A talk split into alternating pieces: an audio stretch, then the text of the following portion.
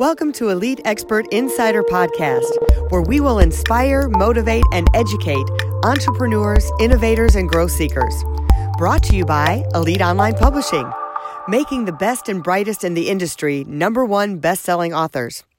80% of people say they want to write a book. We're assuming that's the same for you.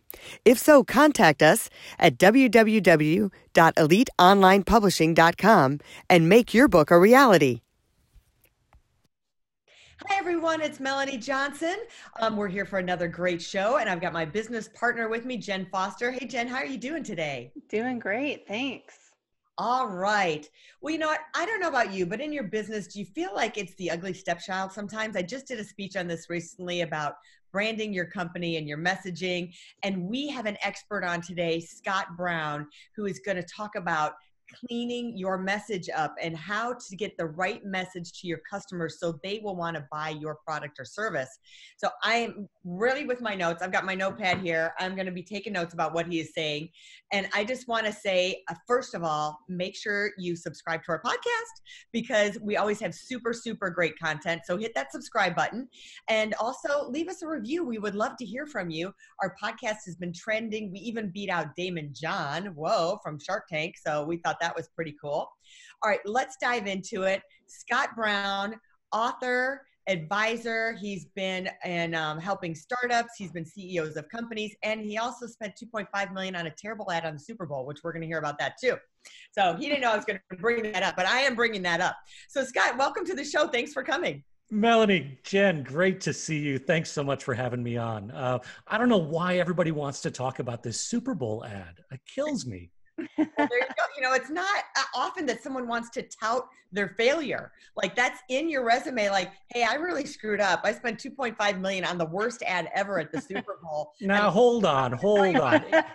it's, it's, not the worst. It's the 21st oh, worst. There you go. Yeah. So I'm on a list, but it's not the worst. So it's not the worst. You're not number one. I'm not number one.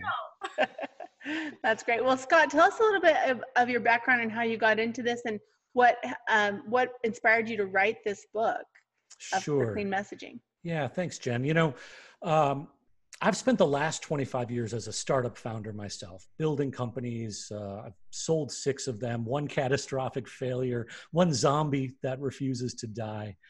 And over the last uh, 10 years, I've been working with startup founders. They show up, they want to talk about their business. And I found I was saying the same thing to them all the time and it was all about not, not their technology or their market or their team but they couldn't figure out how to talk about what they had built. And so we would go through this process to help them figure out how they were going to talk to real human beings. And finally i said i'm just going to write all this stuff down. And so i built a framework that we call clean messaging which is designed to help startup founders like many of your listeners talk to actual human beings you know, it's interesting. I just went to a seminar and they showed this uh, sheet when Apple first came out with the iPhone before it was announced to the public. And it was a page of tons of very small font writing. It was three columns. It was a bunch of minutia, right? Mm, and they're like, yeah. "Hey, this is the iPhone."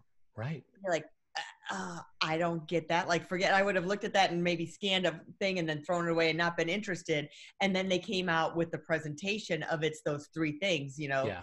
So it's that's the messaging. It's so important. It can totally change the trajectory of a product or service.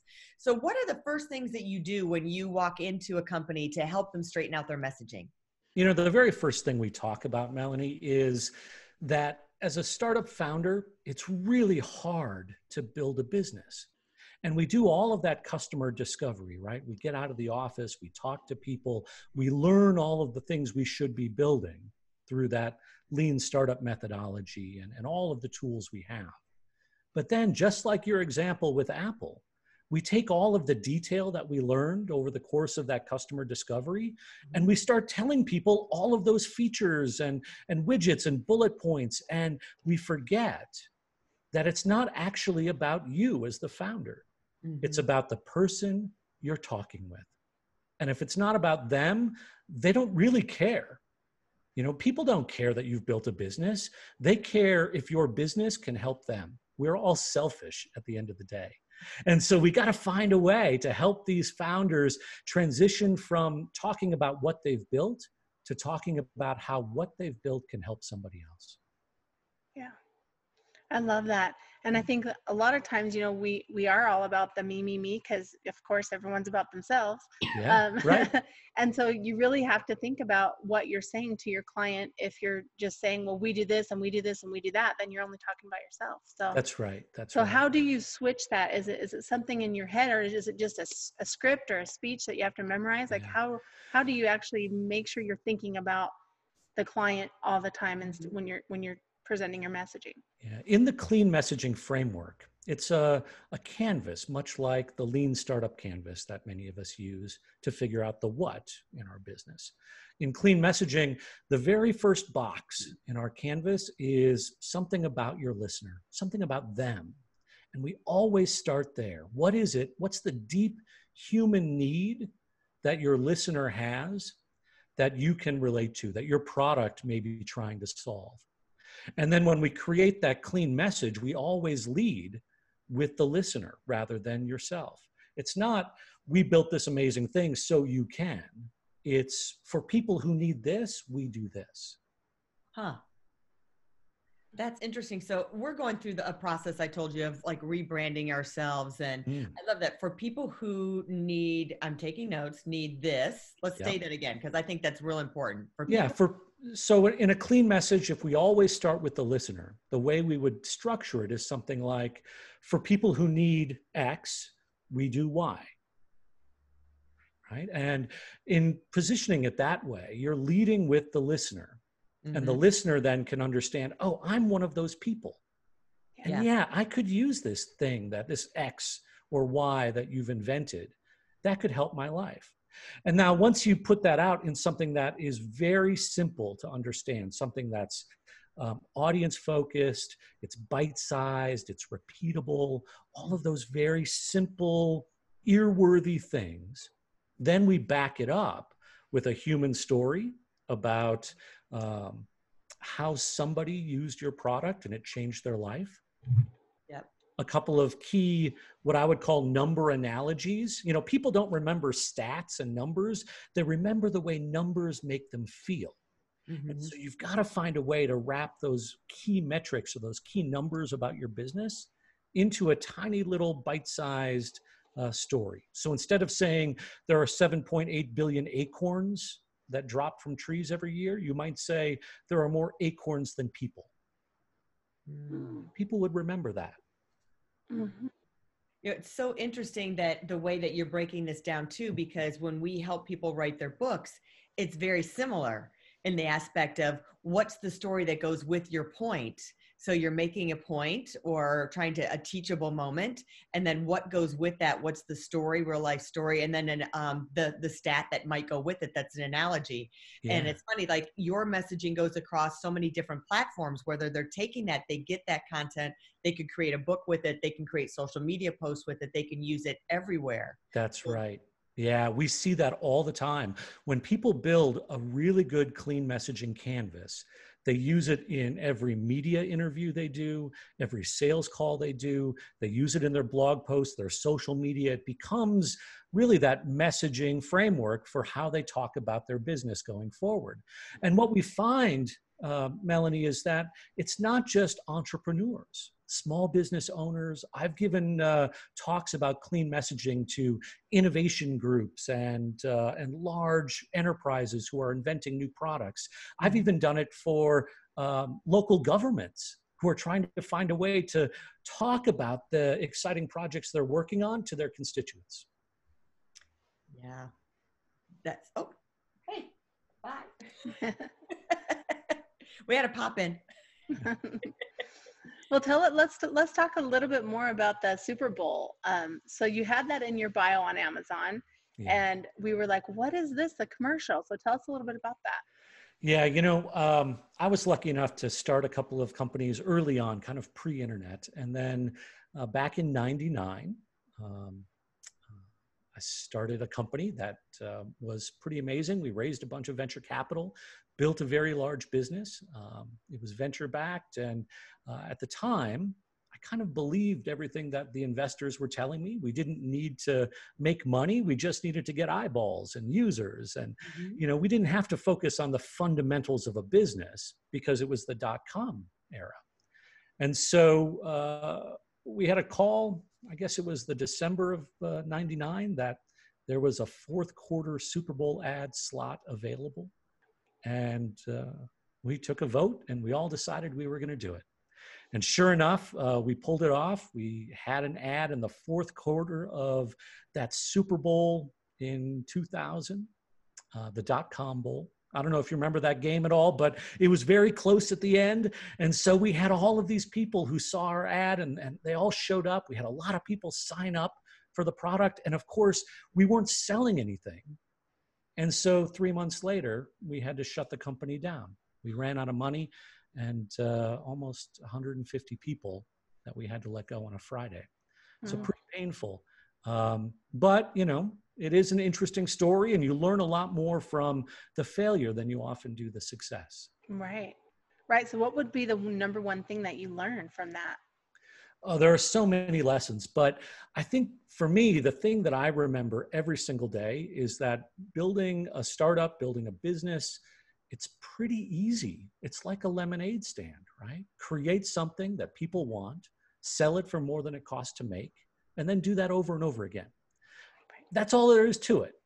The challenge is that if you forget one of those pieces, building it, selling it, you know, more than it costs to make, everything falls apart. And right. so, you know, that's that's really the core for me. The lesson I got, uh, and many of the lessons are all about how do you refocus on the fundamentals of building a real company yeah. and don't get caught up in the fame and fortune and glamour of being an entrepreneur. Mm-hmm. It's kind of sexy to be a startup founder now. Um, I say that being an old gray-haired dude, but um, you know, it's it's kind of a cool thing, and, and people can get too wrapped up in the fashion of it all, mm-hmm. and forget that we can actually have an impact on the world and build an amazing business at the same time.